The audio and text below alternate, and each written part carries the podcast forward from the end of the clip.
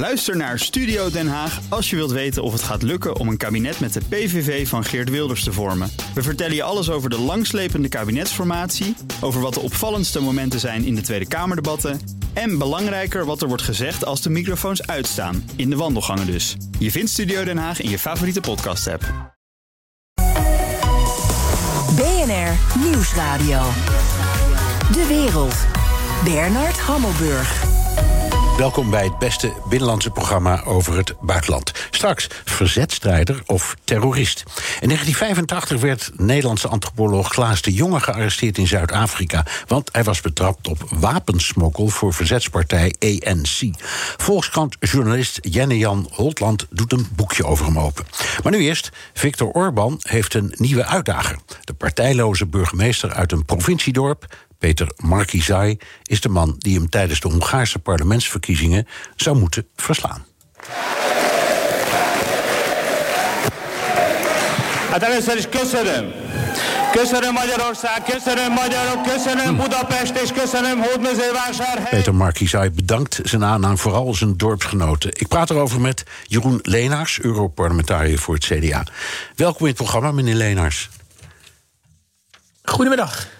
De oppositie in Hongarije heeft zich al een tijdje tot één anti-Orban-front verdedigd. En die hebben dus Markizai als leider. Uh, maakt hij een kans?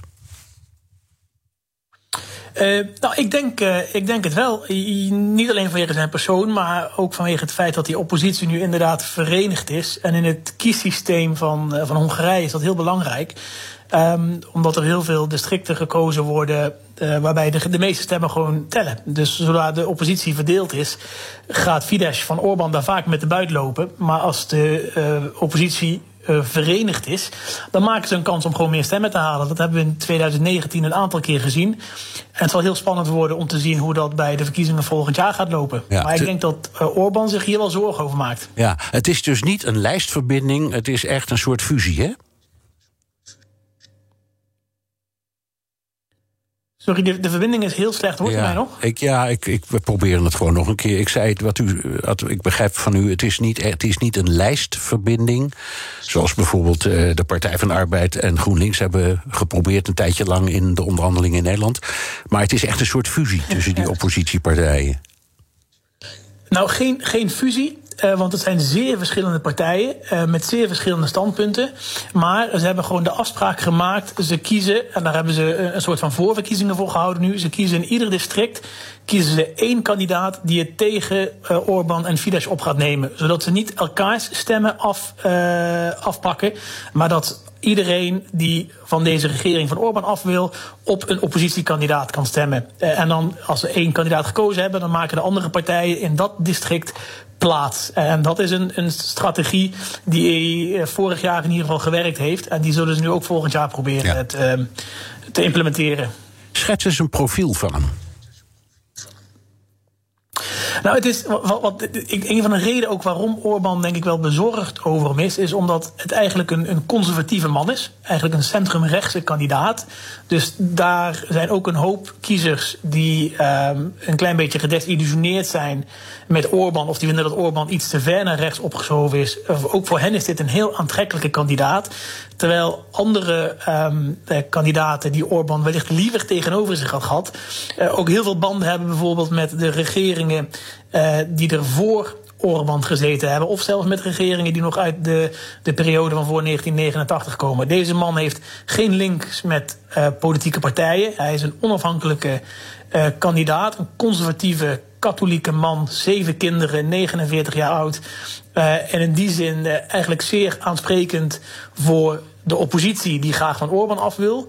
Maar ook aansprekend voor een deel van de, de achterban die wellicht normaal gezien op Orbán gestemd zou hebben. Hij is ook burgemeester geworden. Eigenlijk heel verrassend als onafhankelijk kandidaat in een gebied wat, wat vrij sterk uh, Fidesz en Orbán georiënteerd is.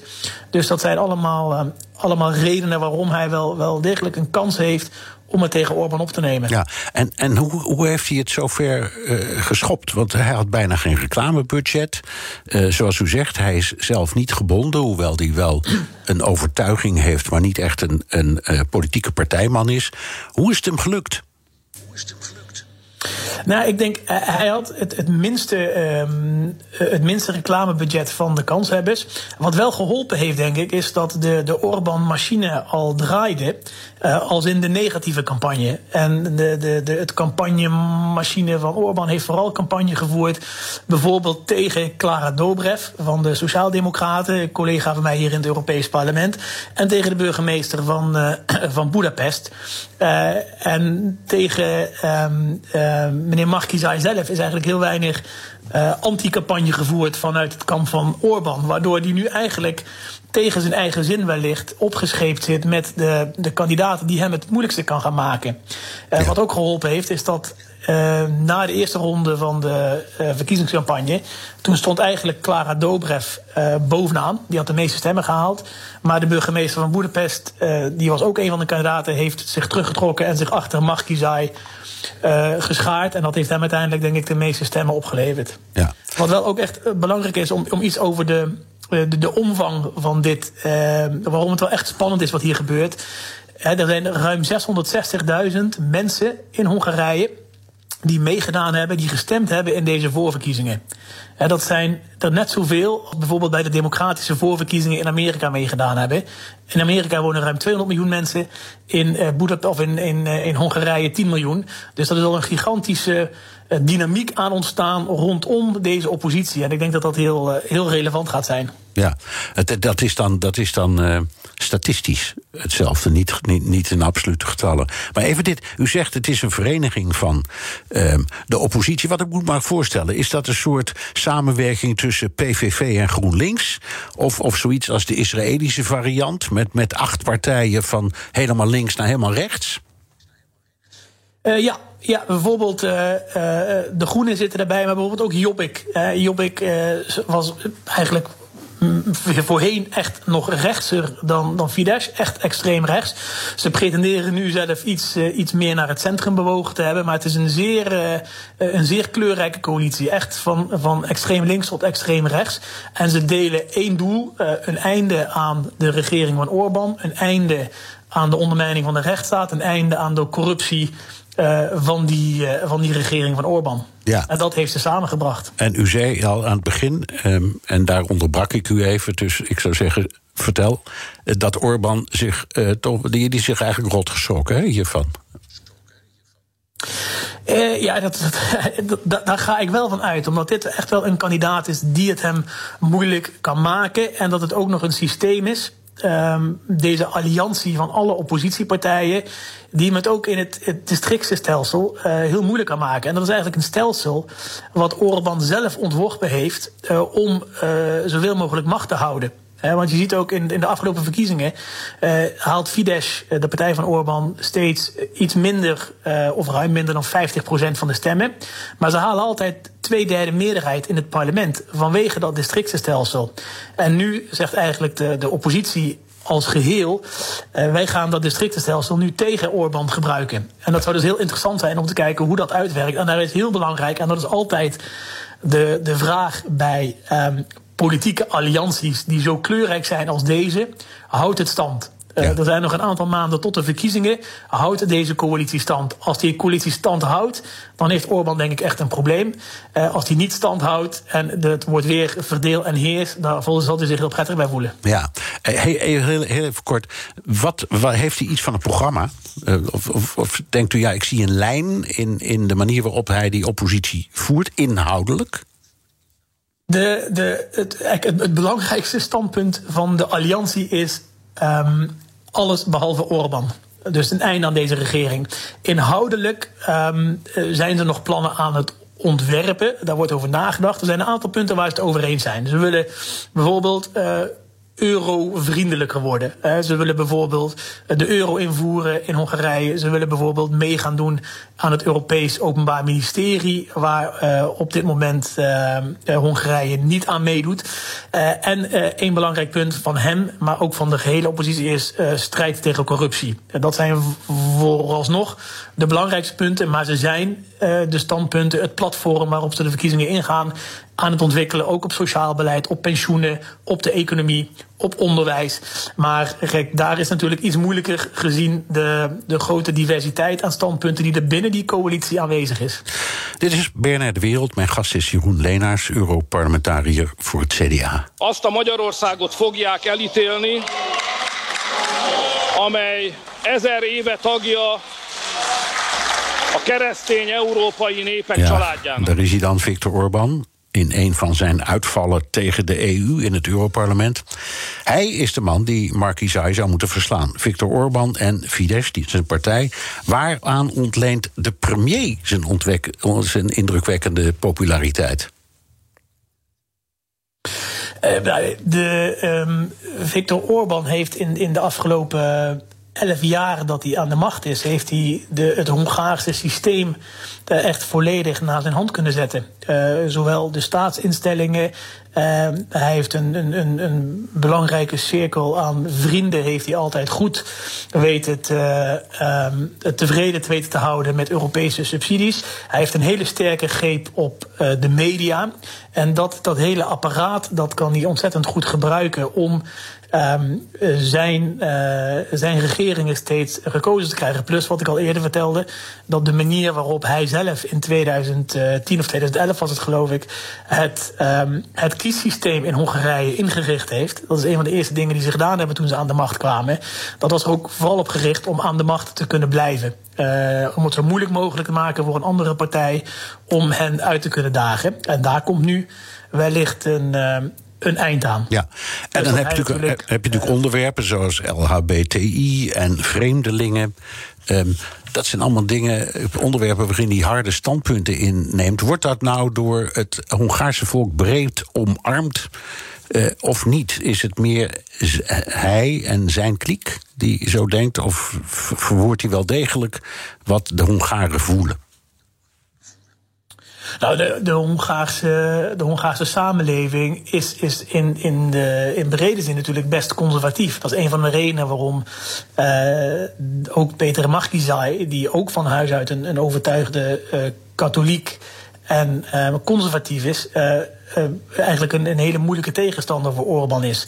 Er is zeker een deel van de Hongaarse bevolking die de manier waarop Orbán tegen Europa ehm, ageert, tegen migranten ageert, tegen LHBTI eh, ageert, eh, dat zeker waardeert. Maar ik denk dat er inmiddels ook een grote meerderheid is in Polen die daar wel, eh, die daar wel klaar mee is. En die ook zien dat dat niet de toekomst van, van Hongarije is. Maar uiteindelijk zal dat moeten blijken in het stemhokje bij de verkiezingen volgend jaar. Ja.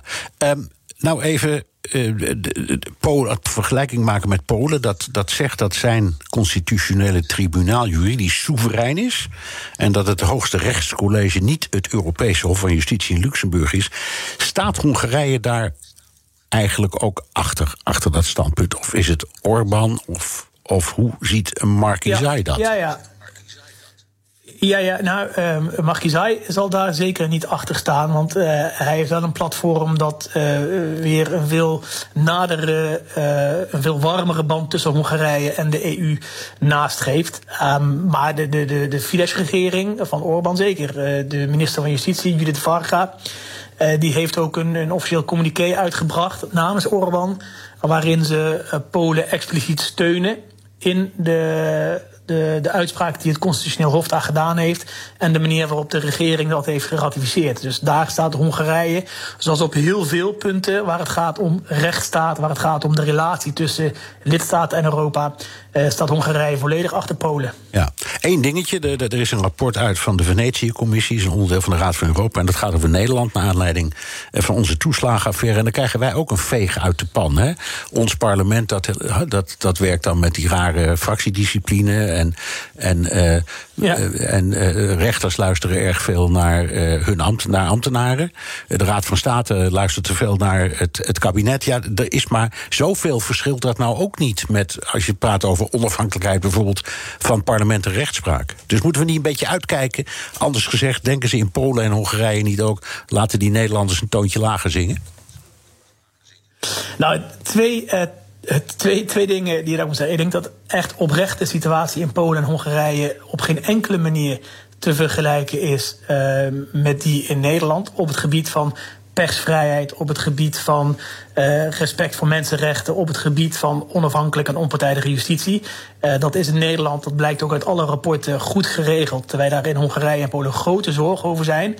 Maar dat neemt niet weg dat er ook in Nederland een boel te verbeteren is. En een van de belangrijke dingen, als je het hebt over de, het, waarborgen van de rechtsstaat in Europa, is dat dat in heel Europa moet gebeuren. Daarom doen we bijvoorbeeld sinds kort ook ieder jaar van ieder land in de Europese Unie een rapport maken vanuit de Europese Commissie met experts over de rechtsstaat in zo'n land. Ook in Nederland, ook in Polen, ook in Hongarije. Uh, een, een heel ander interessant voorbeeld bijvoorbeeld. Sorry dat ik zo lang ben, maar dat vind ik interessant omdat bijvoorbeeld, dat is net voor de zomer uitgekomen.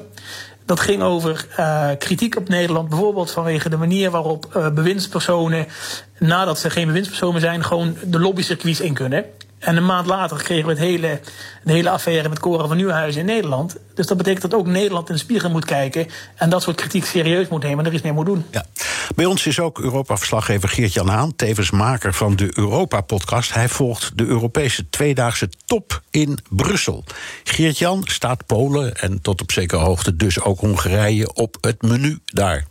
Nou, er is vanavond een werkdiner. Dus dat bruggetje heb je al gemaakt bij deze Bernard. En inderdaad, Polen gaat ter tafel komen. Het hele Europese continent verwacht dat ook. Het ging de afgelopen week eigenlijk bijna nergens anders over. Maar het is voor uh, voorzitter van de Raad Charles Michel geen vanzelfsprekendheid geweest om het op de agenda te zetten. Sterker nog, pas gisteren, uh, gisteravond volgens mij, zagen we in een invitatiebrief aan de regeringsleiders één zinnetje genoteerd staan over dat de rule of law ter sprake komt. En de naam Polen of Hongarije staat er niet eens bij. Nee, en waarom wil Michel er liever niet over praten of eigenlijk niet bespreken? Naar mijn optiek twee redenen. Eén, omdat zijn agenda weer te veel gekaapt zou worden. Dat gebeurt vaker met actualiteit, met buitenlandse zaken bijvoorbeeld. En die agenda is al vol met gasprijzen, met migratie, corona-aanpak, cyberveiligheid. En twee, uh, Michel wil niet ook dat oorlogspad betreden. Um, zoals bijvoorbeeld Mark Rutte wel, daar komen we zo over te spreken. Omdat hij denkt dat het een averechts effect heeft. En let op, Bernard, Polen heeft steun van een aantal Centraal-Europese landen. En lang niet alle grotere landen hebben ook trek in een kruisiging. Angela Merkel, voor wie het de laatste top naar alle waarschijnlijkheid is, voorop. Die heeft geen zin in een veroplopend of verder oplopend conflict. Nee, Rutte daarentegen, die, die wil wel de harde lijn. Die heeft ook de Tweede Kamer achter zich. Geen ja. naar Polen uit het corona-herstelfonds. Ja, en ik heb net even gekeken uh, bij de inloopjes uh, in uh, Brussel. Want dan komen de regeringsleiders aan en dan mogen ze even een paar quotejes geven aan de, aan de pers. En dan gaan ze dus vanavond dat diner in. Nou, Rutte is eigenlijk op dit moment de enige die dus ook de consequentie van het ondermijnen van de rechtsstaat, in opdracht van de Kamer ook, verbindt aan, um, aan dat corona-herstelfonds. Dus, uh, en aan het uh, ondermijnen van die rechtsstaat. Dus um, Nederland zegt als enige geen cent meer naar Polen. Uh, Frankrijk schaart zich er een beetje achter als je naar de wat grotere landen kijkt. Maar Macron heeft daar niks over gezegd vanmiddag. Ja, verder zijn het kleinere landen die de druk opvoeren. Maar de grote landen, zoals ik al zei, die doen dat niet. De zuidelijke landen, ja, die weten nog dat Rutte eerder ook hervormingen wilde koppelen aan het corona-herstelfonds. Waren ze natuurlijk ook niet heel blij mee. Dus waren ze draagvlak. En Michel, die lijkt dat te begrijpen. En die denkt, ja, ik ga niet hier twee dagen in mijn agenda zitten bakkeleien over iets waar we toch niet over uitkomen. Nee, maar uiteindelijk heeft hij het toch geagendeerd. Ja. En dan wel sumier. Ja. En intussen gaat het spraak, schaakspel rondom Polen uh, ook door in het Europese parlement. Ja, en dat is misschien wel belangrijk. Um, want we hadden natuurlijk deze week het verhitte debat met de Poolse premier uh, Mateusz Morawiecki. En er wordt vandaag, donderdag, gestemd over een resolutie over de rechtsstaat in Polen. En die ontwerptekst die roept de Europese Commissie op om het conditionaliteitsmechanisme in te zetten. Uh, lang verhaal uh, kort. Dat betekent, uh, of moeilijk woord, moet ik even uitleggen, heeft te maken met de voorwaarden die dus gesteld zijn aan bijvoorbeeld dat corona-herstelfonds, aan gelden die je vanuit Europa krijgt. Dan moet je bijvoorbeeld de rule of law respecteren. En Charles Michel die weet dat. Die weet dat dit eraan zit te komen. Die resolutie gaat waarschijnlijk goedgekeurd worden.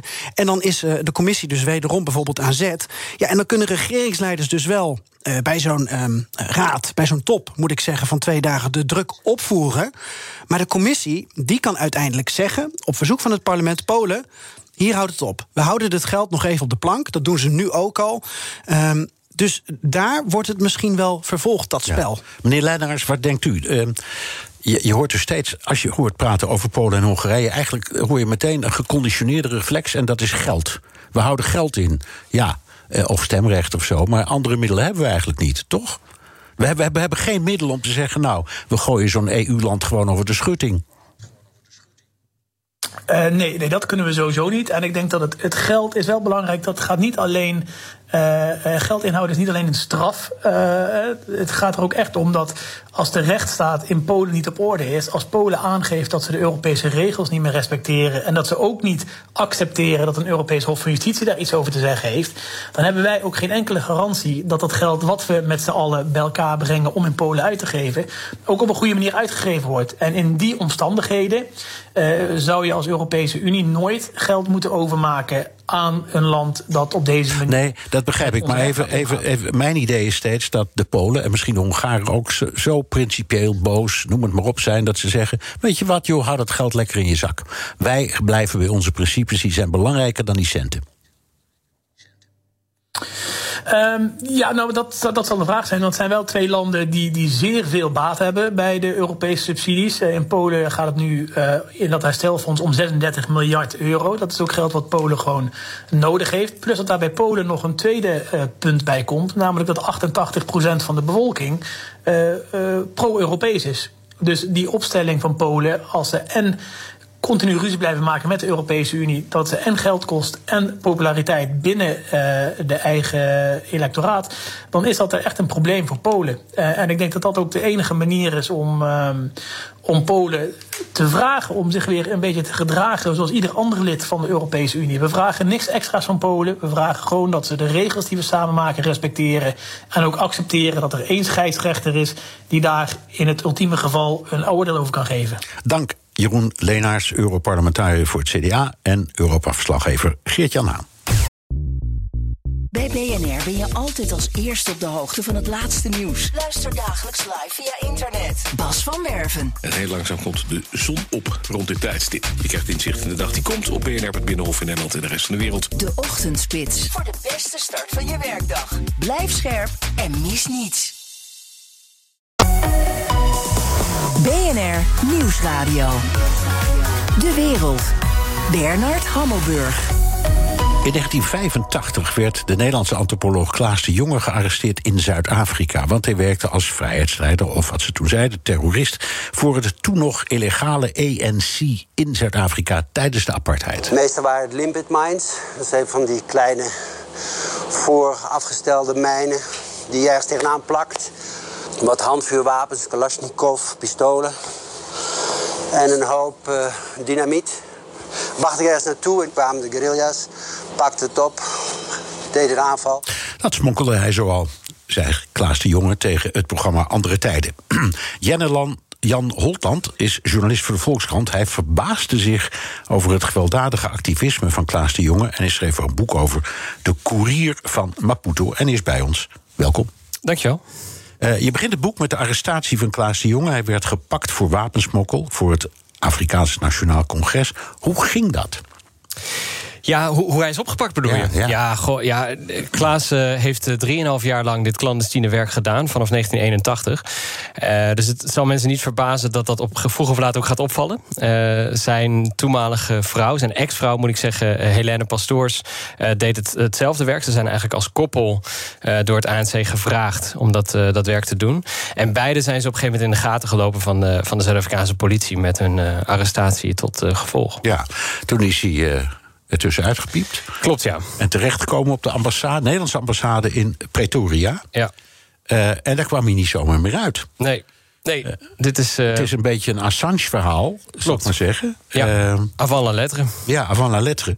maar het is een hele diplomatieke kunst geweest om hem daar vandaan te krijgen. Ja, klopt. Dus de oudere luisteraars zullen zich dat herinneren. Ik denk voor, voor luisteraars van mijn generatie, ik ben van 1989, die weten dat misschien niet. Maar Klaas heeft inderdaad ja, al met al twee jaar op die ambassade doorgebracht, de Nederlandse ambassade. Um, en dat was best een, een hoofdpijndossier, voor, zowel voor Nederland als voor Zuid-Afrika.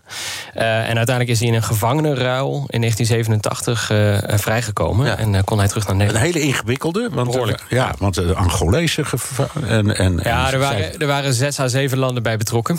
Uh, dat zijn er iets te veel om hier uh, na te lopen. Nee, maar, maar Nederland, maar, Nederland ja. zei alleen met Zuid-Afrika komen we daar nooit uit.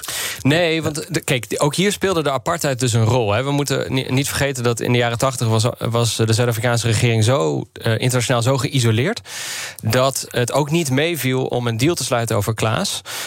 Zuid-Afrika zei we willen die man berechten. en Nederland zei dat willen we, we willen hem best uitleveren, mits hij niet berecht wordt op de, ja, de harde apartheidswetgeving. Dat heette de Security Act. En dan kom je in de buurt van nou, wat Zuid-Afrika dan zag als terrorisme, et cetera, et cetera. Nederland zei wij, wij keuren die apartheidswetgeving principieel af. En daarmee kunnen we Klaas ook niet blootstellen aan zo'n politiek proces. Ja.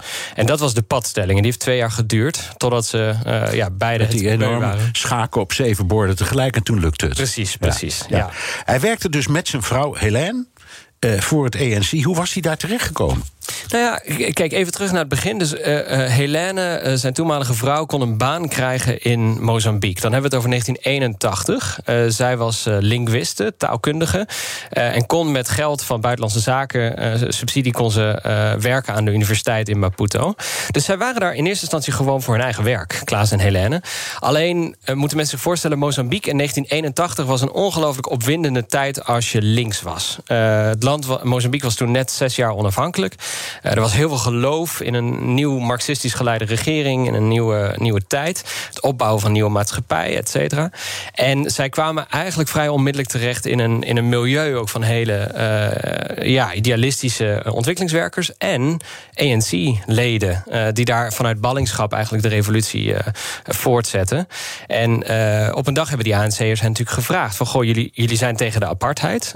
anders zat je ook niet hier. Doe eens wat, man. Hè? Nou ja, nou, ja. niet op die toon, maar wel, maar wel uh, ze zijn in feite gescout. Ja. Ze, ze, ze, waren aantrekkelijke types voor het ANC. Waarom? Omdat ze een witte huid hadden. Dus het ANC was op zoek naar mensen die ongezien de grens over konden glippen naar Zuid-Afrika.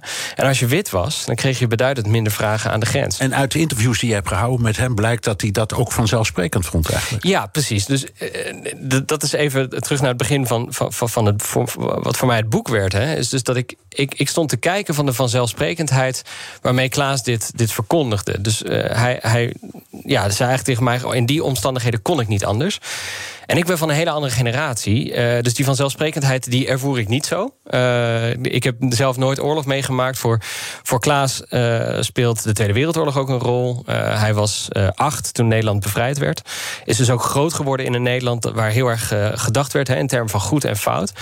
Ja, ja, ja dat... en toen was, ook, was je dan verzetstrijder of terrorist? Precies, ja, dus, dus, dus ja. Dat, dat, dat was gewoon een heel ander uh, discours, een heel andere tijd. En uh, ik wilde eigenlijk kijken of ik die vanzelfsprekendheid... Waar, waarmee Klaas dit vertelde, en hij, hij neemt er ook geen afstand van... Hè? hij heeft geen enkele spijt, hij zei eigenlijk onmiddellijk van... ik zou het zo weer doen. Toen dacht ik, ja, als het voor hem zo vanzelfsprekend is... kan ik dan misschien kijken in een boek... of ik het voor de lezer ook zo vanzelfsprekend kan maken. En ook de vraag stellen, zou de lezer dat dan ook doen... onder die omstandigheden, als er een beroep op hem of haar wordt gedaan om, uh, om te helpen. Ja, je hebt uren met hem gesproken. Aan, Zeker, ik ben ook met hem teruggegaan naar Zuid-Afrika. Ja. En, en, uh, en uh, hoe, hoe ging dat? Want ik begrijp dat dat ook dat niet, ging niet altijd even gemakkelijk. Nou, ik, ik, ik, kan het op zich best goed vinden met, uh, met Klaas. Hij woont tegenwoordig gewoon in Amsterdam. En ja, we, kijk, wij, wij deelden in die zin wat, wat, wat hielp... was dat hij ook heel graag wil dat jonge generaties begrijpen... waarom hij gedaan heeft wat hij heeft gedaan. En dat was toevallig ook wat ik heel graag wilde. Ik wilde ook gaan kijken van, goh, kan kunnen we nou uh, dat generatieverschil overbruggen? Uh, kunnen we duidelijk maken uh, waarom het in, die in die situatie normaal werd voor hem of voor vrienden van hem om wapens te smokkelen voor de goede zaak? En, en dat, dat boeide mij, dat intrigeerde mij. En, en, en Klaas stond er best voor open om mij op die reis mee te nemen. Ja, en, en ja, dat is altijd voor zeker een journalist of een schrijver, heeft het jouw gedachten beïnvloed, veranderd? Heb jij bij wijze van spreken een soort standpunt over gevonden?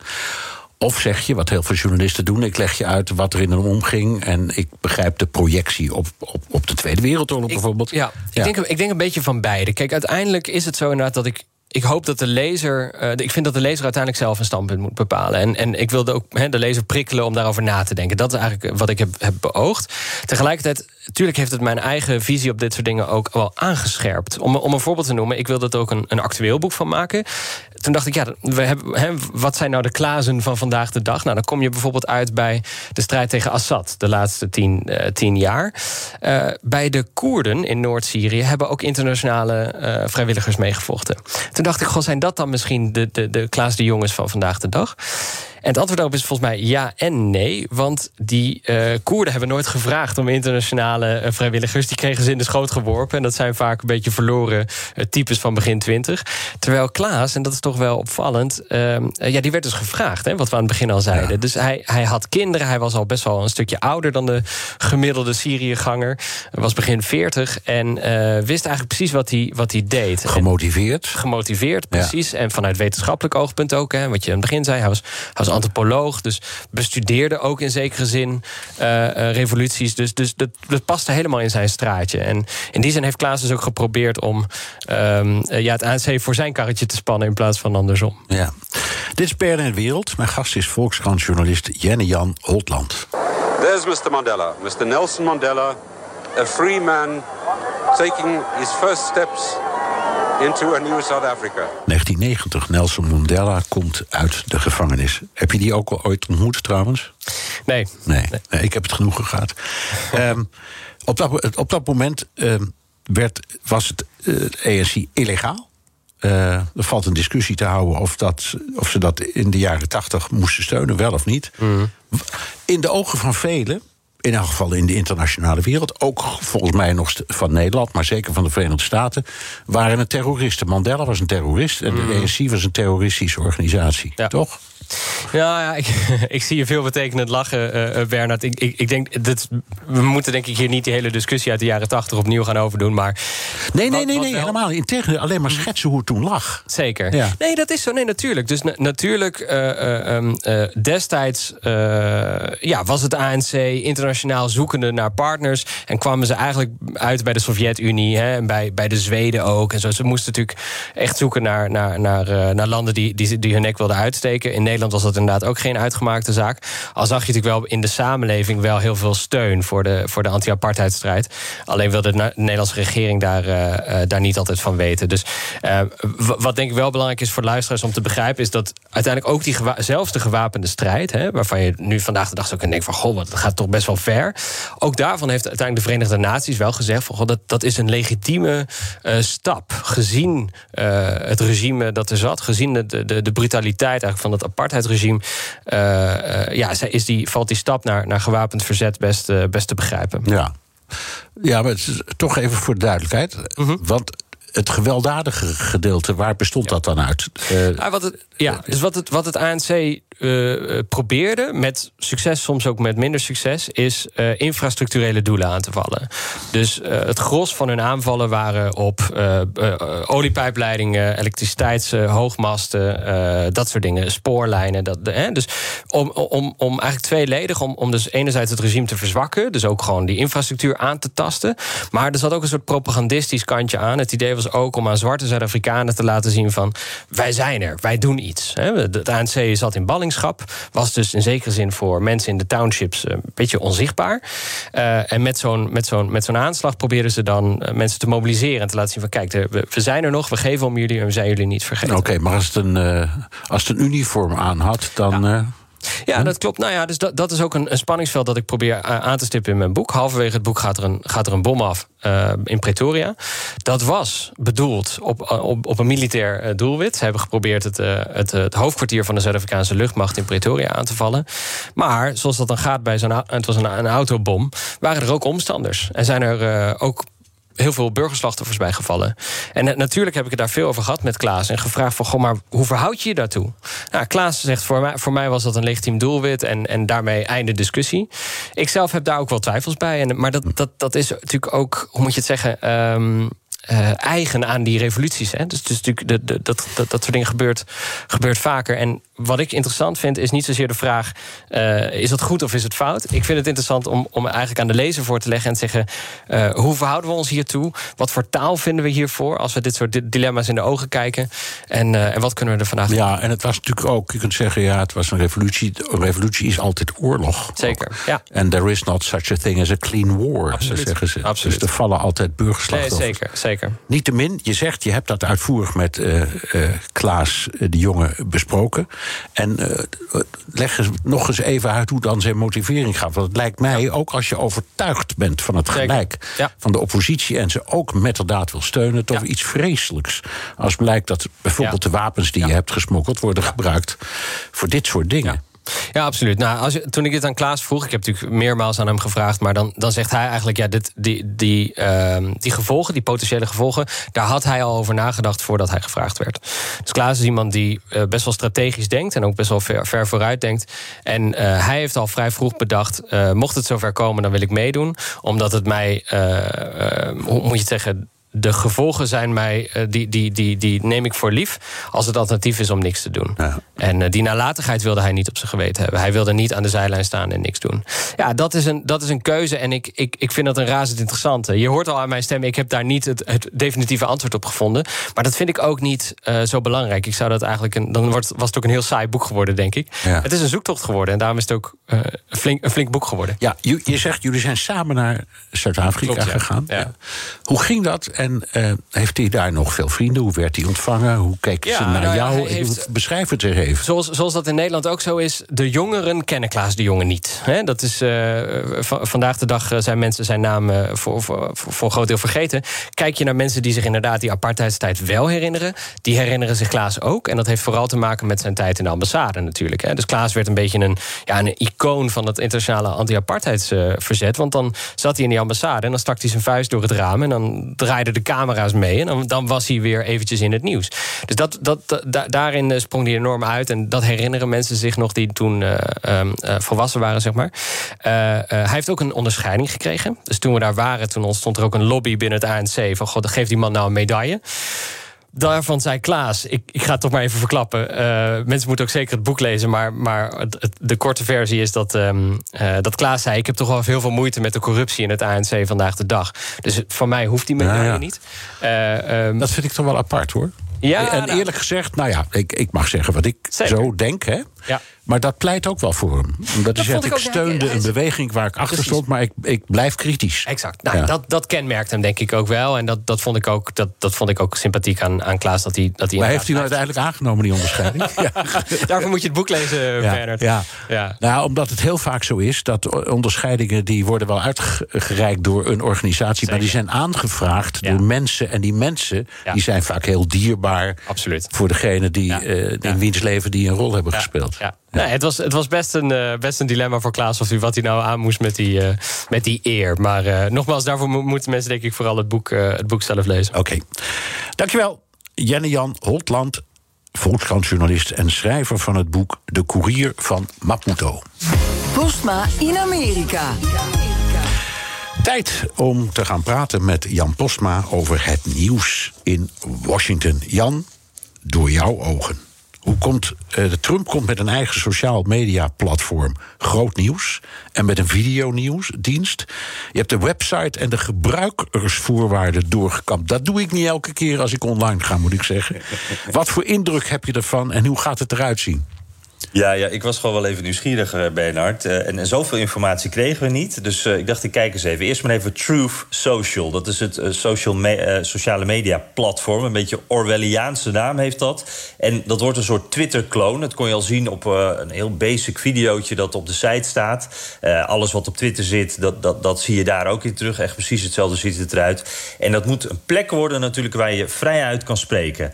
Niet de tirannie van Big Tech. Dat zijn de woorden uit het persbericht. En dit zei Donald Jr. daar al over op Fox. A platform for everyone to express their feelings. Big tech and all of those on the left for so long, Sean, have been saying, well, if you don't like the rules that we really enforce only one way on our platforms, go create your own. And so we did just that.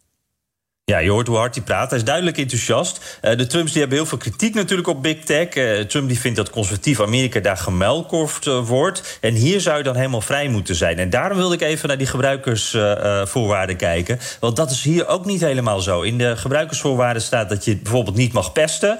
Dus lees je mee, Donald Trump. En dat je niet het platform zelf belachelijk mag maken. Dan kan je er ook afgegooid worden. Dus de regeltjes die zijn er wel. En dan heb je nog die streaming service, die video's. daar krijgen we non woke entertainment en nieuws. Dat wordt ook wel interessant, want daar wordt een producent van reality TV voor binnengehaald. En bij zowel het social media platform eh, als die streamingdienst geldt natuurlijk, ja, Trump moet dit dragen. Daar hangt het succes van af. Dus ik ben wel heel benieuwd hoeveel uh, Trump we gaan zien. En wat voor rol bijvoorbeeld ook zijn familie krijgt. Of we daar dan ook misschien wel een uh, reality-programmaatje van krijgen. Ja, en natuurlijk wat het, ook wat het zegt over zijn presidentiële ambities in 2024. Ja, precies. Die vraag die kwam meteen weer op natuurlijk. En, en Trump heeft eh, best wel een ingewikkelde methode van financiering gekozen. Eentje die niet zo transparant is, met wat omwegen. Is uiteindelijk eh, ja, zitten er een paar hedge funds achter... waarvan één dan alweer een hoofdkantoor in eh, China heeft. Dus daar werd meteen al van gezegd van... nou ja, als je weer president wil worden, dan pak je dat wel anders aan. Maar ik denk, ja, Trump die geeft er helemaal niet om. Hij heeft al laten zien dat zijn bedrijf hem helemaal niet hoeft te, in de weg hoeft te zitten in een campagne. Dat weten we al van de vorige. En dus ik denk, het kan hem alleen maar helpen. En, en nou ja, we gaan het wel zien. Die cliffhanger inderdaad, die blijft nog wel eventjes. Daar hebben we het al vaak over gehad. Uh, ja, ik denk tot na uh, de midterm ja, geval, uh, nog wel. We, we, waren het erover eens, ook in de Amerika-podcast... dat dat het meest waarschijnlijk is. Hè? Dat je even kijkt hoe dat afloopt en dan, en dan, en dan ja, het wel of niet dat doet. risico in ieder geval niet loopt... dat Ja. als dat wat minder loopt, dat hij dat dan op zijn bordje krijgt. Nog, nog even, want je zei net over die, die, die algemene voorwaarden... wat je wel en niet mag en wat je wordt verondersteld te doen. Ehm, het is dus niet zoals Twitter, daar is hij dan wel boos op... omdat hij de, de Twitter-regels heeft overtreden. Maar dit klinkt veel strenger. Nou ja, het is denk ik een beetje vergelijkbaar. En dat is wel interessant, want we hebben natuurlijk allerlei Twitter-klonen gehad. Hè? En daar komen dan al die, ja, die Trumpisten die dan boos zijn op Twitter, want dat is te streng. Eh, die, die zeggen dan van, nou, dan ga ik naar Gap of naar Parler of nou ja, noem ze allemaal maar op. Eh, maar die zijn daar vaak ook wel een beetje teleurgesteld, want daar blijkt dan ook een heleboel niet te mogen. Eh, en als er wel heel veel mag, levert dat ook wel heel veel troep op. En, en ik denk dat dat hier ook wel een beetje dreigt. van ja, uiteindelijk, je wilt toch een soort van orde in, in, in dat eh, eh, platform hebben. En, en dan kom je uiteindelijk toch weer, denk ik, een beetje op hetzelfde neer als wat al bestaat: Twitter. Ja, ja. Jan, je hebt al voorpret eh, over een diepgaande, gravende documentaire... over een hoveniersbedrijf. Leg uit. Ja, ja eh, Four Seasons Total Landscaping. Dat, dat ken jij ook nog wel uit de campagne. Eh, voor wie het vergeten was, op de dag dat de eerste eh, Amerikaanse nieuwszenders concludeerden dat Joe Biden de verkiezing had gewonnen, stond eh, eh, Tr- eh, Trumps juridische team onder leiding van Rudy Giuliani bij Four Seasons voor een persconferentie. Nou, normaal gesproken is dat Four Seasons de hotelketen. Maar nu bleek het eh, tot verrassing van iedereen dus Four Seasons Total Landscaping te zijn. Een, een terrein met tuinmateriaal naast een crematorium aan de snelweg. eh, een winkel voor vieze boekjes ernaast. Nou, de BBC vatte dat wel lekker droog samen. At 11:24 on Saturday morning, America reached a historic moment. CNN announced Joe Biden as the president-elect. Donald Trump played golf, and his campaign was in a car park by Fantasy Island. Ja, dit eh, zorgde voor heel wat leedvermaak toen. Hè. Giuliani hoorde daar ook dat, dat de strijd eigenlijk feitelijk voorbij was. Dus echt chaotisch. Nou, nu komt eh, op MSNBC 7 november een documentaire hierover. En volgens de makers wordt het de beste documentaire ooit over een hoveniersbedrijf. Dus nou, dan heb je mij al.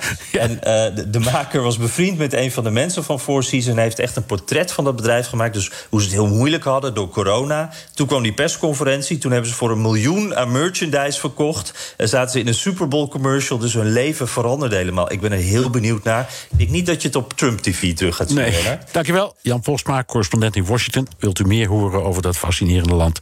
Luister dan naar de Amerika-podcast van Jan en mij. Tot zover BNR De Wereld. Terugluisteren kan via de site, de app, Spotify of op een podcast. Reageren kan via een mailtje naar dewereld.bnr.nl. Tot volgende week. Ook Hugo Reitsma vind je in de BNR-app. Superhandig die BNR-app. Je kunt alle programma's live luisteren, breaking nieuwsmeldingen. Je blijft op de hoogte van het laatste zakelijke nieuws. En je vindt er alle BNR-podcasts, waaronder natuurlijk de belangrijkste, Boeken zijn in de wijk. Download nu de gratis BNR-app en blijf scherp.